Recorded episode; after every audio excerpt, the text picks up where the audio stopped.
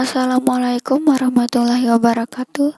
Saya Tiana Safira dari kelas 10 IPA 5. Menurut saya, kendalanya sendiri ialah sinyal internet yang kadang tidak stabil.